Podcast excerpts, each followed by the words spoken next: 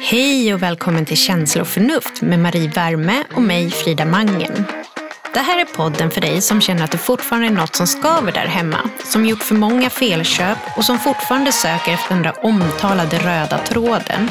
Och inte minst den där sköna känslan av att komma hem. Vi kommer prata om hur man skapar miljöer och sammanhang med personligt uttryck. Vi kommer diskutera bra, hållbara beslut, bjuda på konkreta tips, svara på era frågor och inte minst försöka överösa er med inspiration.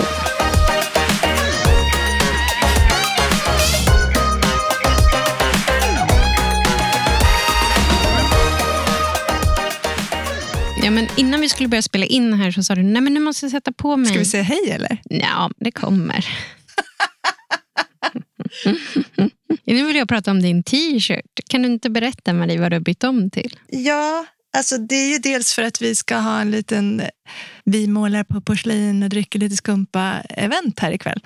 Nej men så här, alltså jag tror inte det bara handlar om mig och mina hormoner och, och vart jag är, är liksom i, i, i livet just nu, utan vi alla är i livet som det ser ut just nu. Och det, det är ju lite, det är lite dystert och jag tror vi, det vi kommer att prata om idag kommer att presenteras snart. Men det, det handlar ju mycket om att vara lite snälla mot varann. Vara lite lyhörda och... Och, och vad står det på t-shirten? Fragile.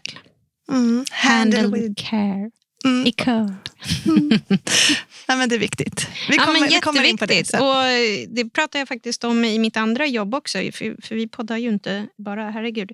Men eh, att just när det kommer till ledarskap, att den liksom finaste ledarskapsegenskapen idag är att våga vara sårbar. Att vi behöver liksom våga vara det lite mer och vara snälla mot varandra. Men du, eh, Asta, det här hemliga stället som vi sitter på. Kan du inte berätta lite vad det är? Nej, men Det är inte hemligt. Vi vill ju att alla ska komma hit eller, eller hänga med oss på Instagram eller vara en av Astas vänner, som vi kallar det. Vi, vi är en mötesplats framför allt, men vi driver också frågan och, och och jobbar hårt för det lokala och framförallt lokalt hantverk och vill lyfta konst, konsthantverkare helt enkelt. Så vi har ett litet showroom där vi, där vi visar stora delar av det, men vi har också ett litet galleri som hela tiden eh, är förändligt. Vi visar eh, mycket amatörkonst, men, men riktigt bra sådan. Vi jobbar med torsdagskickar som är kreativa aftnar där vi ses ett större gäng och eh, jobbar kring ett, ett, material. eller Det kan vara keramik, det kan vara eh, blomster eller det kan vara mm, papper. Men eh, där vi framför allt eh, umgås och pratar och eh, på ett prestigelöst sätt liksom, också får använda händer och, och, bara liksom gå därifrån och ha skapat någonting som vi är jättestolta över. Men och bor man i Stockholmsområdet så tycker jag verkligen man ska titta in på de här äh, torsdagskickarna. Nu vet jag att höstens kickar är fullbokade nästan allihopa, för jag tittade själv ja. häromveckan. Men äh, det kommer väl fler till våren också? Ja, det kommer ett jättehärligt program till våren. Mm. Vi har, när man är här så kommer det också in människor med, och man ser ju i blicken att det här gömmer sig något kreativitet bakom och så pratar man, jag vet inte om det är platsen i sig som, som manar till samtal, men, men folk eh, öppnar upp och sen så visar det sig att man har någon familjemedlem som, som är kreativ eller skapar eller silversmed. Eller, så de vi representerar i, i showroomet, det, det, det har nästan kommit till den, så den gruppen av eh, konsthantverkare som är där nu, det är nästan så att någon har rekommenderat någon och så vidare. Och, och lite så är det på de här torsdagarna också. Ja, men det blir samtal, något leder vidare till något annat. Några kommer tillbaka på vår fredagsyoga som vi har med frukost och under frukosten så startar nya samtal och så går man iväg med någon annan som man inte kände innan. Ja, men lite så. Och så har vi bara Vintage Weekend som eh, bara handlar om cirkulär konsumtion, alltså att folk säljer sina plagg hos oss och eh, i en festlig kontext när vi liksom skapar en härlig miljö och bjuder in väldigt mycket människor. Och det, det är lite festival, härligt. Det var, det var i korta drag, men ja. vi, vi pratar mer om Masta en annan gång för vi har ju så mycket kul att prata om idag. Ja, men precis. Och vad har vi för veckans spaning då, Marie? Eh, det ska jag ju fråga dig Frida, för det, jag, jag är mer nyfiken på vad du som beteendevetare har för svar på, och det är väl snarare en fråga den här veckan eftersom vi har pratat lite om trender och sådär. Så och du och jag är väldigt eh, nyfikna på hur människor påverkas och så där. Så det är just varför påverkas vi av trender? Ja, och det finns ju säkert, eller det, det är ju liksom komplext och där finns ju många olika förklaringar. Men det som jag nördar in mig in i och tycker är väldigt spännande det är ju att titta lite på hur våra hjärnor fungerar och neuropsykologin. Där man faktiskt upptäckt lite nya saker om våra hjärnor. Och det är ju så att så här, omvärlden förändras, den blir mer flyktig och komplex och svårförutsägbar. Och eh, det finns mycket härligt i det också eh, som jag tycker är viktigt att lyfta. För det skapar möjligheter om vi är där och kunna liksom greppa tag om dem. Men våra hjärnor däremot, eh, de har ju faktiskt inte förändrats. Utan de ser exakt likadana ut som de gjorde när vi var grottmänniskor.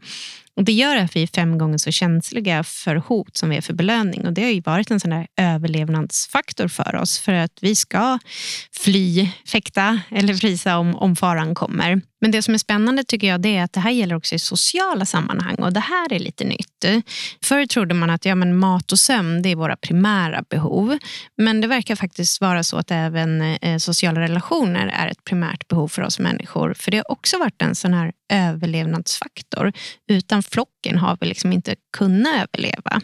Och Det förklarar kanske varför en hel del människor som då känner sig ensamma och kanske under covid också mådde väldigt dåligt till exempel. Men också när våra barn inte blir bjudna på kalas. Och där har man sett att det är samma del av hjärnan som triggas eh, när vi känner oss exkluderade från sociala sammanhang som när vi skadar oss fysiskt. Och Det här beteendet gör ju också att vi gör ganska mycket saker för att få tillhöra den där flocken eller det här sociala sammanhanget. Och det kallas för konformitet, att vi anpassar oss efter andra. Och Det kan vara att vi klär oss som andra eller att vi håller med om åsikter vi egentligen inte står för. Mycket av våra normer och värderingar i, i samhället är uppbyggda på någon slags konformitet. De är inte nedskrivna utan det är bara något så här, vi anpassar oss efter liksom flocken. Och jag har tänkt mycket på det det, det där påverkar oss också i trender. När flocken börjar liksom eh, bete sig på ett visst sätt eller börjar klä sig på ett visst sätt eller har vissa åsikter, då är det lätt att, liksom, att vi anpassar oss efter det och börjar följa det. Och med det i åtanke tycker jag att det är lite lätt lättare faktiskt själv att stå emot vissa trender. Många trender är ju bra, Marie. Det är ju lätt att säga att trender är av ondo, men det finns många trender som nu med hållbarhet och innovation och cirkulärt Eh, mode och annat eh, som är superbra. Sådana trender vill vi gärna att, att så många som möjligt ska hoppa på. Men just det här, varför känner jag ett sånt starkt behov för den här lampan eller eh, mattan eller köket? Är det för att jag ser det om och om igen på sociala medier och blir påverkad av att andra har det? Eller är det för att jag själv verkligen tror att jag kommer må bra med det här? Där tänker jag på våra barn som verkligen får allting via sociala medier och, och där man vet hur mycket, mycket, psykologi det ligger bakom som de inte... De, de tror ju att de hittar sig själva i det där. Och så känner man bara att det är så placerat liksom, i deras blickfång dagligen. Ja, samtidigt ska jag säga att jag tycker våra barn är bättre och är mer medvetna om det här än vad vi vuxna är. Att vi inte förstår hur pass påverkade vi faktiskt blir. Och ibland i, inom organisation så brukar vi prata om något som kallas funktionell dumhet, men det gäller ju även i, i trender och annat. Alltså att vi vi gör saker som gör oss dumma. Ett exempel kan vara att om det börjar brinna ett rum så är det mer troligt att jag kommer ut om jag är själv än om vi är tre i rummet. Och det är för att jag börjar titta vad andra gör. I en organisation kan det vara att jag ser att det här vi gör är inte etiskt rätt eller det här är fel. Men jag vågar inte säga ifrån utan vi fortsätter med den här dumheten. Och så gäller det med trender också. Vi kanske håller på med saker som egentligen knäpper släppa mm. eh, som inte är bra. Men vi kan liksom inte stå emot. Nej, men det är jätteviktigt och det tycker jag har varit mycket en debatt nu på nyheterna om just att våga och inte våga. Där man inom sjukvården faktiskt inte har möjlighet alla gånger och stå för det man tycker och Nej. lyfta det. Jätteskrämmande. Jag hoppas att det blir en förändring och att vi genom att veta, ha kunskap om det du berättar faktiskt också kan stå emot och tänka lite mer utifrån hjärta. Ja, men jag tänker också att så här, jag tycker det är två saker i det här. Det ena är att vara snäll mot sig själv. Alltså, jag är påverkbar. Jag påverkas av det här. Jag är programmerad för att påverkas av det. Men det andra då är att vara kognitiv. Att tänka med tänkande så kan jag göra mer aktiva val i, i min egen vardag. Mm. Men det är inte konstigt att vi påverkas, att vi dras med. Mm. Eh, och också vara lite snäll i att förstå varför mm. vi, vi gör det. Då tänker jag igen på våra barn. Hur ska de förstå det här? Här. Jag känner bara att jag kan bara gå tio år tillbaka i tiden och, och, och liksom bara tänka på hur jag bara eh, som, eh, sög åt med alla kortvariga trender och allt nytt som poppade upp på ja, speciellt eh, mode och inredningssidan. Eh, liksom, och, och, fick kickar av att liksom, Åh, här är något nytt som jag kan visa i det här reportaget liksom, före alla andra. Eh, nu ter sig det helt ointressant för mig. Jag vill bara visa... Nej men alltså det är som, jag kan inte förstå att det var samma person som, som gick igång på alla de här snabba, och också vad gäller mode. Jag liksom Eh, skiftade från dag till dag och tyckte att åh. Ja, men jag tror att det också, alltså så här, vi, vi, är ju i, i, på en förändringsresa och du försöker bidra på ditt sätt Marie med Asta, med podden och ju mer, liksom, ju fler vi är som visar på andra sätt att konsumera på, som visar på andra sätt att, att kunna ja, men, leva på, desto mer blir ju det normen eh, för flocken. Men du kanske är lite tidig och då är det också jobbigt och gör lite ont på vägen. Men som sagt, jag stannar alltid, försöker stanna i det goda och jag är helt säker på att vi är i en, i en förändring och det här är bara början på någonting nytt. Och du, du var tidig på bollen när du var liksom i, inom Sköna Hem och gick på trender men nu är du tidig på bollen i det här och det är alltid lite jobbigt att vara den men det är en väldigt viktig roll tänker jag. Ja, ja men det, det är fint att, att försöka vara, tänka på, alltså påminnas om att man ska vara lite snäll mot sig själv också.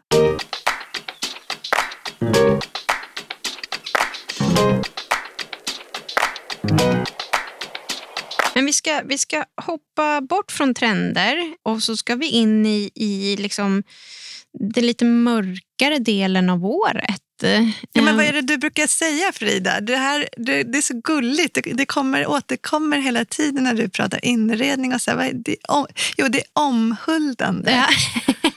Det är bara, alltså jag, har inte, det, jag kommer i kontakt med ordet, men jag har inga vänner som använder det som du det, gör. Det kanske är ett lite så tantigt uttryck. Ja, men, det är den lillgamla tanten i mig. ja. Nej, men, och det är nog något som jag bär med mig sedan jag var liten. Att jag tyckte, när jag kom hem hos vissa vänner, så var det så liksom omhuldande. Det luktade mat och det var liksom hemtrevligt och det var gosigt. Man kunde krypa in upp i någon soffa. och det var så där, Jag, jag liksom alltid så sökte efter det där och tyckte det var så mysigt eh, hos de familjerna som jag var hemma hos som hade det där. Att det, mm. det, det, var någonting större. Det var någonting som, ja, men det var något som liksom kramade om mig lite grann, tror jag, som jag behövde där och då under en tid i livet när jag nog ja, jag hade ett väldigt stort behov av det helt enkelt. Mm. Ja, och men... Det bär jag med mig och då vill jag såklart bidra med det här till mina barn. det här omhuldande. Mm. Och där är ju eh, lite som alltså din fråga, hur, hur, hur gör vi, eller varför vill vi förändra hemma när vintern kommer? Och, och där tänker jag också, där har vi massor att, att tänka på vad gäller beteendevetenskap och hur vi som grottmänniskor faktiskt eh, behövde boa och samla och dona och fixa och kämpa och slita under en stor del av eh, sommarhalvåret och in på hösten för att faktiskt klara vintern. Jag bara kom att tänka på att det beskrivs så himla bildligt i Himlen över Alaska av Kristin Hanna som, eh, som kom precis, alltså den kom ut hösten, november 2019. Jag tror att det var precis när pandemin var igång, liksom när vi började få, få veta vad det faktiskt innebar. Och, och, det var ju, jag kanske inte borde ha läst den just då, men för mig blev det liksom direkt så här, aha, men ska vi nu, nu måste vi ta ställning till om vi ska liksom, som familj ska, ska bli hoarders eller ej. och, och, och det blev så himla... Eh, alltså där och då var ju det en jättestor fråga och nu är vi nästan där igen. Alltså där folk börjar säga, ja men nu är vi där av en annan anledning. Men, men vi valde att ligga lågt. vi började inte hurra. Men, och, och vi, jag tänker att vi också i, i podden, alltså vi väljer och ligga, vi väljer att inte få panik, eller hur? Du och jag. Nej, men absolut. Och jag tycker det är viktigt. Men däremot, återigen, om vi då ska komma till beteendevetenskapen så har vi alla människor ett behov av att känna visshet i tillvaron och trygghet. För Det är också ett, ett sätt för vår hjärna att säga att ja, men det är ju jättejobbigt att vara på vakt för det här hotet som vi är fem gånger så känsliga för. Och Nu är ju hoten ganska starka för oss och, och för vissa då påverkar det mer än andra, för det är ju såklart individuellt. Och då försöker vi återskapa någon slags kontroll och någon visshet. Och för vissa är det då att liksom, eh, börja då samla och ha de här eh, liksom, survivor kit. Och, och det skapar någon, någon känsla av kontroll. Eh, för, för någon annan är det någon, någonting helt annat som, som skapar den här vissheten och kontrollen. Men, men så det är ju helt naturligt att vi känner att vi vill liksom försöka återskapa det. Och jag tror att det blir än viktigare för oss kanske också då när det kommer till våra hem och när vi kanske är mer, är mer begränsade. Att då se till att vi får möjligheter att, att ha sånt hemma som, som får oss att må bra och som vi tycker är kul. Och det är ju faktiskt ett av de bästa sätten att eh, motverka depression. Och Då kommer vi direkt in lite på vad kan vi göra då? Och du, och, och du ska få ge alla dina tips. Men ett tips som jag har det är just eh, det att så här, fundera på vad är det i, i det lilla som jag mår bra av hemma. För mig är det, jag älskar att sova och har ett jättestort behov av att sova. Om jag får för lite sömn då blir jag nästan till deprimerad ganska snabbt. Så jag är väldigt påverkad av det. Och under det mörka halvåret så tycker jag att det är väldigt mysigt att, att ligga i sängen. Så jag har investerat i ett ganska så gosigt, så här, nästan hotelltäcke, så här fluffigt. Och jag tycker det är så skönt. Jag kan längta hem när det också är så intensivt på arbetet och bara få komma hem och lägga lägga mig på min säng. Och också så här, på helgen så kan jag så här, tycka att det känns lite lyxigt att ta ett glas bubbel och så gå upp och lägga mig i min säng och så bläddrar jag i något magasin. För det mår jag bra av och det aktiverar ett liksom, må bra-hormon hos mig. Och Det är en sån sak som jag tycker att man kan tänka på. Just för att inte falla i de här trenderna. Så här, Åh, nu ska det vara de här höstens färger hemma och bla bla bla. Så här. Det kan man absolut om man tycker det är härligt och det aktiverar ett, liksom, en härlig känsla och sen att göra det. Men verkligen så här, vad kan jag göra hemma som aktiverar ett, så här, en, skön, en skön känsla hos mig? Vad mår jag bra Ja, men Jag tycker det låter bra. Jag vet av egen erfarenhet att mina energidepåer minskar i typ samma takt som, som ljusets timmar. Och känslan att vara okej okay med det, att faktiskt liksom, nu kommer den där tiden när, vi, eh, när jag framförallt behöver sova mer och inte orkar prestera på samma sätt. Det, det är liksom ganska, alltså när jag kom till insikt att vänta, jag känner igen det här från förra året och så har den bara, bara insett att ja, men det är så här och det måste få vara så. Jag får tagga ner. Det är så, och det är så sjukt befriande att bara tillåta sig det och känna att det är okej. Okay. Tagga ner, koppla av, varva ner och framför allt försöka släppa prestationskraven alltså nästan helt den här tiden på året. Liksom göra det som behöver göras men inte det där lilla extra som man kanske annars går igång på hela tiden göra. I alla fall jag. Men um, umgås faktiskt mindre med människor den här tiden på året. Älskar att umgås, men det, får liksom, det kommer igen sen. Alltså någon gång så där kring advent. Men, men sen, sen får det komma liksom till våren när det börjar. Men, och där tänker jag Marie, när du säger det så är det nog många så här, åh herregud, hur tänker hon nu? För att i, här, inom näringslivet så är det här nästan den mest intensiva arbetsperioden om någonsin. Men då tänker jag också att det kanske blir än viktigare att tänka på okej, när jag kommer hem då, hur får jag den här då avslappnade känslan? Och då tänker jag så här, vi, vi kan väl komma med våra tips, vad vi tycker funkar för oss. Och så kanske någon kan bli lite inspirerad av vad, vad vi kan göra. Och En sån här sak är ju, enkel sak är ju att titta lite på textilier och byta textilier. Kuddfodral, Förr i tiden bytte man ju gardiner. på så här, Nu kommer julgardinerna upp. Och så här. Det gör känns inte du som det, man Frida? Nej, gör du det? Tanten i dig. Va?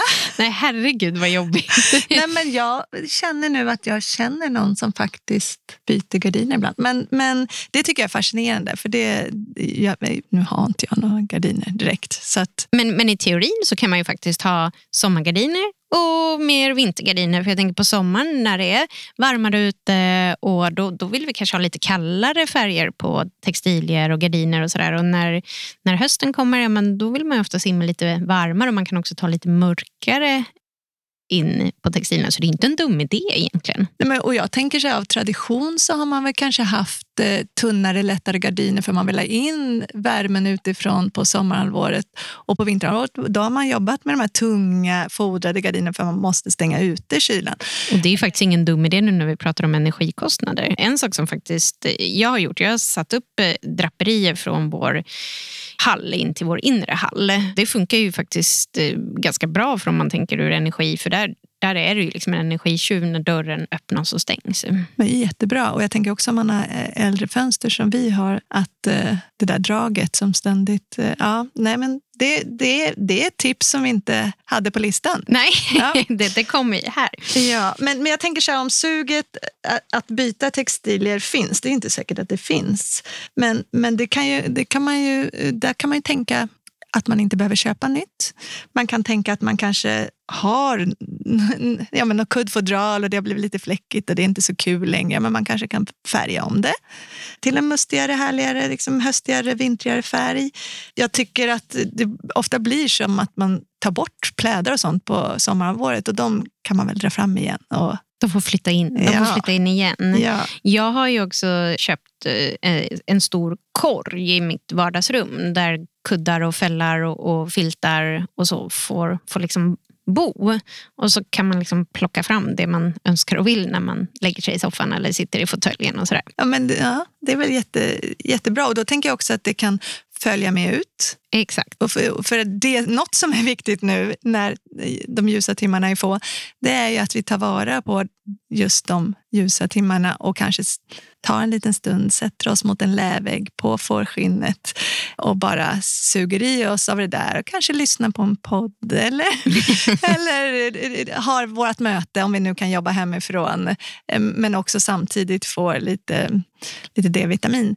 Och fårskinn är ju så härligt till så mycket. Jag tänker också att man tar fram dem nu och lägger nedanför sängen så att när man kliver upp de där mörka, svala morgnarna, att man får mötas av något vänligt och, och mjukt. Ja, men och det är ju en liten investering, men de fårfällarna som vi har, de har vi ju haft i 10-15 år och de, de lever ju liksom från år till år.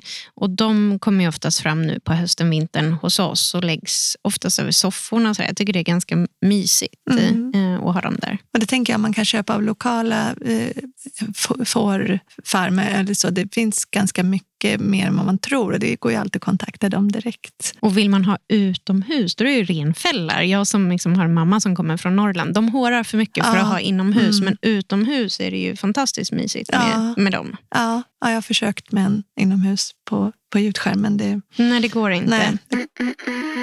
Ett annat är ju den här klassiska, liksom addera ljuskällor. Och det tror jag så här nästan kommer naturligt. Det är någonting.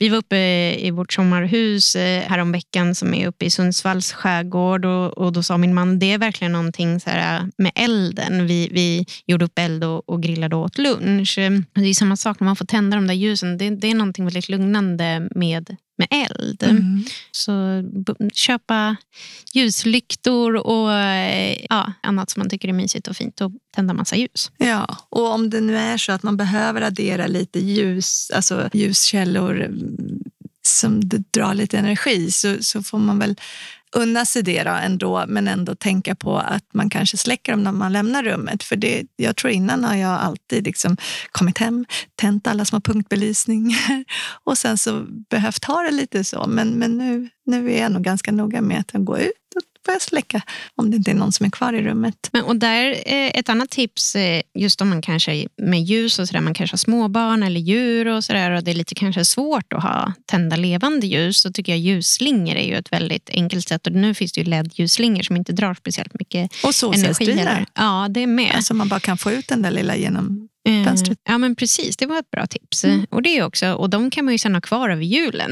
Så att, ja, ljusslingor är också ett bra sätt. Ja, men det sa Charlie när vi var, gick hem från eh, tunnelbanan senast. Så, Oj, de har redan julpyntat. Och jag tänkte att han om någon, det vill säga, jul, ljusslingor har man väl året runt, särskilt som barn. Liksom. Men, eh, ja, men då pratade vi just om det där att nu behöver man fylla på lite för att det ska kännas mysigt. Ja, och där skulle jag väl också säga tänka på lite vad, vad möts man av när man kommer hem. Om man kommer från en stressig arbetsdag och kommer hem om man Eh, kanske svårt om man bor i lägenhet, men om man bor i ett radhus eller ett hus, så att man möts redan ute med någon kanske lite mysig ljusslinga eller någonting som känns lite så här, åh, mysigt. Ja, och, och då finns det, jag har också tänkt på att eh, många har en liten ljuslykta på trappan öppen eller liksom ute, till och med ja, även om man bor i lägenhet. Så ute. Och då är det ofta en, eh, en, eh, alltså ett fejkljus med, med antingen solcellsdrivet eller LED. Eller, ja, så det finns ju många varianter på att skapa det där. Och det handlar väl lite om att också om man eh, lura hjärnan. Alltså inte luras, men ändå. Precis. Ett annat sån här tips det är faktiskt att, att rensa hemma. Jag tycker det är bra alltså nu när man börjar vara mer inomhus eh, så eh, finns det kanske lite mer tid också att rensa. För mig i alla fall det är en väldigt skön känsla. Det känns så här, åh, som att när man nästan får en nystart när det känns rensat i skåpen hemma. Det ligger på min så här, backlog att jag ska, jag ska rensa mm, bland mina kläder framför allt och vika ihop. Alltså det har blivit nu under sommaren bara, jag bara kastat liksom kläderna Men in i garderoben. Men är det en känsla av att du borde eller kan du se fram emot att nu kommer jag få lite mer tid att göra det? Nej, men jag tycker att det är ganska befriande och skönt. Ja. Eh, så jag tycker det är en härlig känsla. Det är kanske jag, jag som är... Nej, men jag, och jag kan nog känna, alltså jag, kanske, jag kan nog till och med tänka mig att skippa den där AWn för att gå hem och rensa lite. För, för annars blir jag bara ännu tröttare. Men apropå rensa hemma, så Mikaela här på, bakom oss, där vi sitter nu, som har M second hand vintage-butiken. Hon gav ju sin man, berättade hon häromdagen, eh, den bästa presenten. Apropå att tänka hållbart och vi behöver inte massa prylar och så vidare. Vet du vad han fick? Nej. Han fick en rensad garderob. Och då pratar vi inte bara rensad där allting hänger i färgordning och fint nervikt och liksom, eh, ja, men bortsorterat det man inte använder eller som är slitet. Utan även lite så här, typ lite säderträkulor i, där de ska vara och lite Ja men, eh, ja, men det var så här, typ någon doft och så var det någon, någon förvaring som var liksom ändå bättre för ja, smått scarfs. Vilken, vilken bra men, idé. Men det var så himla fin, fin present, tycker jag. En annan bra present som jag faktiskt är lite nöjd med själv, var i och för sig den idén gav jag till svärföräldrarna nu när min man fyllde år. Ett par ordentliga ulltofflor det är väl också en sån gosig grej att sätta på sig. På, vi bor i våra ulltofflor och nu var det hål i både mina ut. och i Eriks. Ja. Eh, så det är en sån bra present ja. och användbar. Ja, ja men mm. det är jättebra. Sen har jag, apropå rensa hemma, så har jag bästa inspon här. Nu, eftersom vi jobbar med lokala Eh, förmågor så har vi även kommit i kontakt med en kvinna som heter Anna Glad. Och hon jobbar just med att hjälpa till att rensa hemma hos människor. Så har man inte riktigt orken och lusten, känner att det är övermäktigt eller det kan ju vara att man man kanske till och med, det kan till och med vara att man behöver dödsstäda ett dödsbo. Alltså det finns så många olika nivåer på att rensa hemma. Men, men hon får en att liksom komma igång och hitta system och, och, och sätt och göra det där lustfyllt. Och resultaten är liksom bara så här, wow. Och, och, man kan inspireras på hennes hemsida bland annat. www.annaglad.se på slutet.se. Och sen så tänkte jag också... Är det H Nej, glad. Ja. Eftersom vi måste vara, försöka vara lite bildliga. Eller vad säger man? Men, men också så tänkte jag på... Alltså, om, om, det kan inte vara... Jag vet inte. Men jag tänker om man gillar kläder och som du säger, sa, känner att du har lite råddigt och gärna vill hem nu i höst och eh, rensa, så, så har du kommit i kontakt med KonMari-metoden? Ja, men inte det hur man viker kläder. Det var ju så himla tre trendigt. Ja.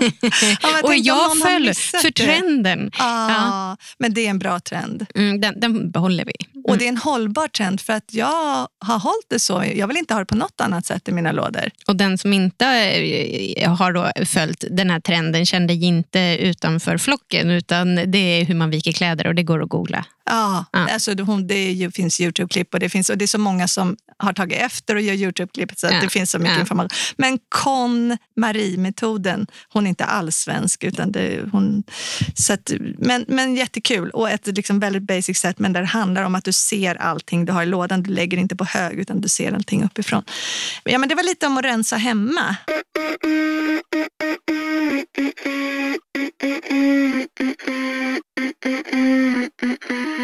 Men laga god mat. Eh, nu var det några före mig på ICA som började prata med kassörskan där igår om hur tråkigt det är att laga mat. Och jag kan ändå förstå det. jag älskar att äta mat men jag tycker kanske inte alltid att det är så roligt att laga mat. Nu är jag privilegierad och har en man som gör det ganska mycket hemma hos oss. Men jag tror också efter covid, där många varit hemma mycket, så börjar liksom, det känns lite så tröstlöst att laga mat. Men men då är det väl bra att vi går in i en ny årstid. Jag tänker att man får lite, alltså man får lite nytändning vad gäller mat också. Nu, ja, min, min man lagar också mest. Usch, vad vi har det bra. Men, men jag tänker ändå att nu blir man ju lite, alltså lite sugen på de där mustiga grytorna, de där heta sopporna och, och, och långkoken är bra. Ja, och där, nu ska inte jag då få folk att köpa, men ett av de bästa investeringarna som jag gjorde för några år sedan var en slow cooker. Det är alltså som ett kärl, man sätter, det, det, den går på el och där kastar man ner då det man vill ha i sitt långkok eller sitt gryta så kan den stå hela dagen och den går aldrig upp i en hög temperatur. Utan den, den kokar... Alltså pratar vi spara energi nu eller pratar Nej, vi pratar om att spara tid för att laga mat men också få de där grytorna, för jag tycker oftast att det är svårt att, att få dem, dels kanske man inte vill lämna den på spisen om man är ute dagen och sen så är det också svårt att få dem så där goda. Det är lätt att man kommer upp i för hög temperatur och har man då kött så blir det sekt och sådär. Slowcookern får det perfekt. Man bara kastar ner allting på morgonen och sen får den stå under dagen. Jag tar... tänker, alltså jag, nu, nu, det, det låter ju jättebra men jag gillar inte maskiner, alltså för, för många maskiner. Nej, och den är ganska stor. Ja, mm. och man måste ha ganska... Vi, vi, har ett arbetskök, ett litet funkiskök. Alltså vi, har, vi har inte ens en sån här sån mixer, utan vi har en stavmixer. Mm, mm du men, menar en stor mixer? Och vi har ingen inte jag heller. frukt och vi har ingen matbered. Alltså, det är mycket vi inte har, men jag tänker också där att lämna sladden i är väl lite samma sak som att ha spisen på när du går ut? Alltså energi, nej, den, den är inte alls lika alltså, farlig att lämna som att lämna nej. någonting på spisen. Mm. Eh, vi gör alltid mer än till fjällen. Jag mm. skulle säga så här, efter min kaffekokare så är slowcookern, det är så här, ja, vi har in, nästan knappt några andra köksmaskiner heller. Men jag ska inte sitta och sälja in, jag är inte sponsrad av slowcooker, men, men tycker man att det är lite jobbigt att laga mat men ändå vill ha de där liksom långkoken och grytorna så är det faktiskt en ganska bra manick. Och är det så att man behåller näringsvärdena i maten då tycker jag att det är, vilket jag tror mm. när man behandlar maten på rätt sätt, så är det ju en jätteviktig del så här års när det också är jätteviktigt att fylla på med färgstark mat. Riktigt färgstarka grönsaker. Alltså bara tänka, desto mer färg desto bättre. Mm. Och där är ju faktiskt också en sån här, om vi ska spara pengar så frysta grönsaker på vintern har faktiskt oftast bättre näringsinnehåll än färska. Så det kan man ju också tänka på. Men nu blev vi en matpodd ja, men det här. Vi pratar ju om så här, käns, alltså, det handlar ju om helhetskänslan. Liksom, men det är det här omhuldande, det luktar ja. mat när vi kommer hem, det luktar gott. Men Aha. köp bake-off-bröd och stoppa in i, alltså, så här, ja. det måste inte alltid vara så avancerat. Nej, men det frysta bullar är också gott. Ja. nu var det, vad var de kallar det för, kembullar på Instagram. Så om man tittar i ämnen och sådär ska man väl kanske ta det försiktigt. Ja. Men, eh, ja. men baka mer, äta mer, eh, dricka mer varm choklad, varma drycker överlag är väl jättehärligt. Ja, det tycker jag. Alltså, har man, eh, snart får vi dricka glögg. Jag gillar ju att dricka varm äppelmust. Ja. Det tycker jag är gott. Jätte, varmt äppelvin. Mm. Mm. Ja, men det, det, det, finns mycket härligt att ta till. Och liksom riktigt, jag som en kaffemänniska, det är du också. Så dricka riktigt, något riktigt gott, gå och köpa något gott te. Alltså mm. riktigt gott te. Och eh, lyxa till det. Ja. Och såklart, är man en bokmänniska så fyll på. Och där kan man ju verkligen byta böcker med varandra i bokhyllorna. Vi har nog ganska mycket böcker hemma som vi har läst som vi skulle kunna tänka oss att byta eh, mm. med någon annan. Ja, men apropå inlägget med Bea Seinfeld. Jag tänker bara så här, hon var ju helt bedrövad över hur, mängden böcker som hivas och eldas upp. Och hon i sitt konstnärskap tar ju, tar ju vara på mycket papper framförallt, men böcker. Men gör vackra föremål av. Men var det det du delade på Instagram? Ja, men precis. Ja. Jag tänkte om man nu inte orkar läsa så kanske man höst, höstetid kan pyssla ihop en liten... bra av och, och vara kreativ och liksom använda eh, gamla böcker eller böcker från de där bokbytarhyllorna till, till något annat vackert. Mm, bra idé. Eh, någonting annat som vi kan göra hemma? Har du några tips? Nej, men apropå böcker så tycker jag det är ganska mysigt att äh, lägga fram böcker. Alltså det, är lite, det är som att man får inte säga att man ska säga coffee table books. Men jag tycker ändå att det är något omhuldande med att lägga fram lite härliga böcker äh, så att det blir så enkelt att bläddra i dem. Det kan vara en kartbok, att man börjar prata med barnen om liksom, så här, ja, sådana saker. Men, men också det där att närheten till böcker böcker på ett naturligt vis, fast det blir ju inte helt naturligt, men också till brädspel. Alltså att man, spelen ligger där. och tror jag blir lättare till hands för barnen att, att faktiskt säga kan vi inte spela? Mm. Och att spela spel ihop tycker jag är... Vi gör ju schack. Min son älskar schack. Det ligger liksom alltid men hur kör ni det då när ni är fyra? Nej, men det, det, det är inte vi fyra som spelar. Det är Frank som spelar oftast med min man. Ja. Eh, och han har lite sina egna regler också, så man måste lära sig dem. All right. ja. ja, våra barn har också haft schackperioder. Roligt, intressant. Barn blir så duktiga på schack väldigt snabbt. Jag, jag hade jag funkar inte riktigt. Nej. Jag är inte strategisk på det sättet. Men det är roligt. Ja.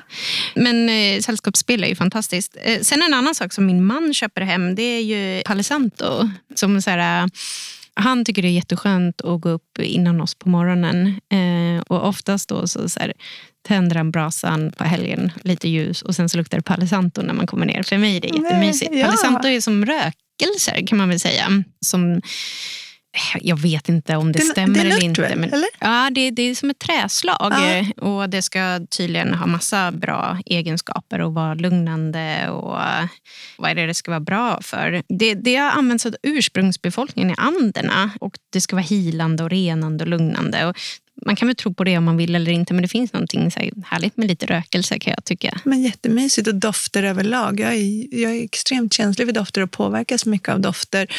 Och brukar prata om det i juletid, att, att det är väldigt viktigt för mig. Men jag tycker redan på hösten så är man sugen liksom på både så här, och kanel och pomerans och, och liksom mus, mustiga dofter. Så det är väl det är en jättebra tips för att boa eller få det där liksom, eh, mysiga. Ja, men jag, jag tror att det är lite så här, yoga. De som håller på med yoga vet nog ja, vad det är. Ja, men mm. jag, jag, tror, eh, hade vi frågat Kristina som, som sitter där och väntar på mig nu, eh, så, så har vi faktiskt en, en, eh, det är som en liten knippe liksom, som man kan tända. Vi har haft det på yogan här och så går man runt lite och så lägger sig en liten... Det är för att få bort häxorna. Nej, jag, ja, precis. jag var på, på tal om så här, om man också bara vill göra något så galet så var jag på, eh, hos en sierska. och hon hade sånt. ja, ja. ja, men det, ja. Man, man, allt, allt som man tror på är bra. Ja, sen så för mig, jag vet inte om bara jag tror, tror på det. det, utan jag tror mer så här, bara göra någonting annorlunda ja, kan vara roligt. Eller ja, men, ro, ja. Förlåt, jag måste bara säga Alltså lite, lite släpig jazz i bakgrunden bara när man kommer hem. Alltså bara sådär. Man behöver inte höra vad de uh, sjunger eller du vet, bara något lite så här... Mm. Ja, men det är Liten ju... hotellobbykänsla bara sådär. Vi har ju hemma hos oss så är det så här, fredagar då är det jazz. Mm. Och sen så kommer vi, då har vi då liksom, eh, dagens tidning har vi då på helgerna och så på fredagen kommer då svenskan. Och sen så på hösten och vintern tänder vi brasan och det är det vi gör innan vi äter middag. Så hitta, och det kanske någon tycker det låter fruktansvärt tråkigt så man behöver hitta sina grejer. Ja. Men jag tror just att hitta de här lite mysiga ritualerna. Ja, men, och nu sa du ritualer, det är det det handlar om. Vi, vi kom, vi kommer bland annat på våra torsdagskickar så har vi en, en torsdag som just handlar om att hitta de där små ritualerna. För att det handlar ju också om att där i stunden stressa ner och fokusera och vara i nuet. Och det tror jag är jätteviktigt. Att vi bara får landa och att vi hittar de här. Vi kanske hittar dem i den där boken eller vi kanske hittar dem vid brasan. Eller det vi kanske hittar dem när vi häller upp vårt te som i det här sammanhanget kommer gå igenom en, en teceremoni där man bara kan plocka delar av den och applicera i sin egen vardag. Men, men just det där bara tänka på vad, vad hör jag när jag häller upp vattnet? Liksom, plupp, plupp, plupp, plupp. Alltså allt det där, de där små, små, små. Men det är den här återigen vissheten. Hur skapar vi den här känslan av trygghet och visshet i en ganska oviss eh, tid och omvärld? Apropå min t-shirt idag, Handle with, eh, care, eh, så vill jag att vi tänker på att den här tiden på året så är vi skörare. Vi har mindre energier och att eh, det är viktigt att vi sänker kraven på oss själva. Men inte bara på oss själva utan på andra också som vi har i vår när, närhet. närhet. Ja. ja. Och, och, att vi försöker omhulda, skämma bort så fort vi har ork och så, så mycket vi kan. Men också att vi tänker på att tacka ja till att själva bli bortskämda. Och, och framförallt visa medmänsklighet hela tiden, liksom, så ofta vi kan. På ICA, på, på nätet, på tuben, i trafiken, ja, men så, så ofta det bara går. För någonstans så är det ju så, också med liksom, krig och elände, att överallt så finns det de som har väldigt mycket tuffare, har mindre ork och är ensammare. Så att det där hejet, sträcka ut en hand, hålla upp en dörr, ge någon en minut av ett kort samtal som kanske inte har något djupare innehåll men, men som ändå är en bekräftelse på att där är du och här är jag. Och, och det där lilla leendet bara till någon på tunnelbanan, det, det kan verkligen förändra någons dag. Och jag, det här blir jätte... men, men, det är jätteviktigt, jag vet eh, och vi vet att det är så allihopa. Men, men att man tänker på det. Man måste ju tänka på det för att det kanske inte alltid finns naturligt. Och en liten sista bonus. Vi vet att snällhet eh, aktiverar vårt belöningssystem och, och då är det en av de starkaste utlösarna av lyckokänslor. Och det kan man fundera på när man promenerar till den lokala bokhandeln och kanske inhandlar boken Konsten att vara snäll av eh, läkaren och författaren Stefan Einhorn. Jag tänker att du har säkert pratat mycket om honom. Och när du är i din lokala bokhandel, nu, säger, nu pratar jag förbi att beställa på nätet så kanske man har lite interaktion med en fysisk människa som kanske har massor med fler goda boktips. Exakt, jättebra eh, tips. Och om man inte vill gå till den lokala bokhandeln så kan man gå till... Eh, så det finns ju hur mycket böcker som helst på i andrahandsmarknaden tänker jag också på. Så kika där med.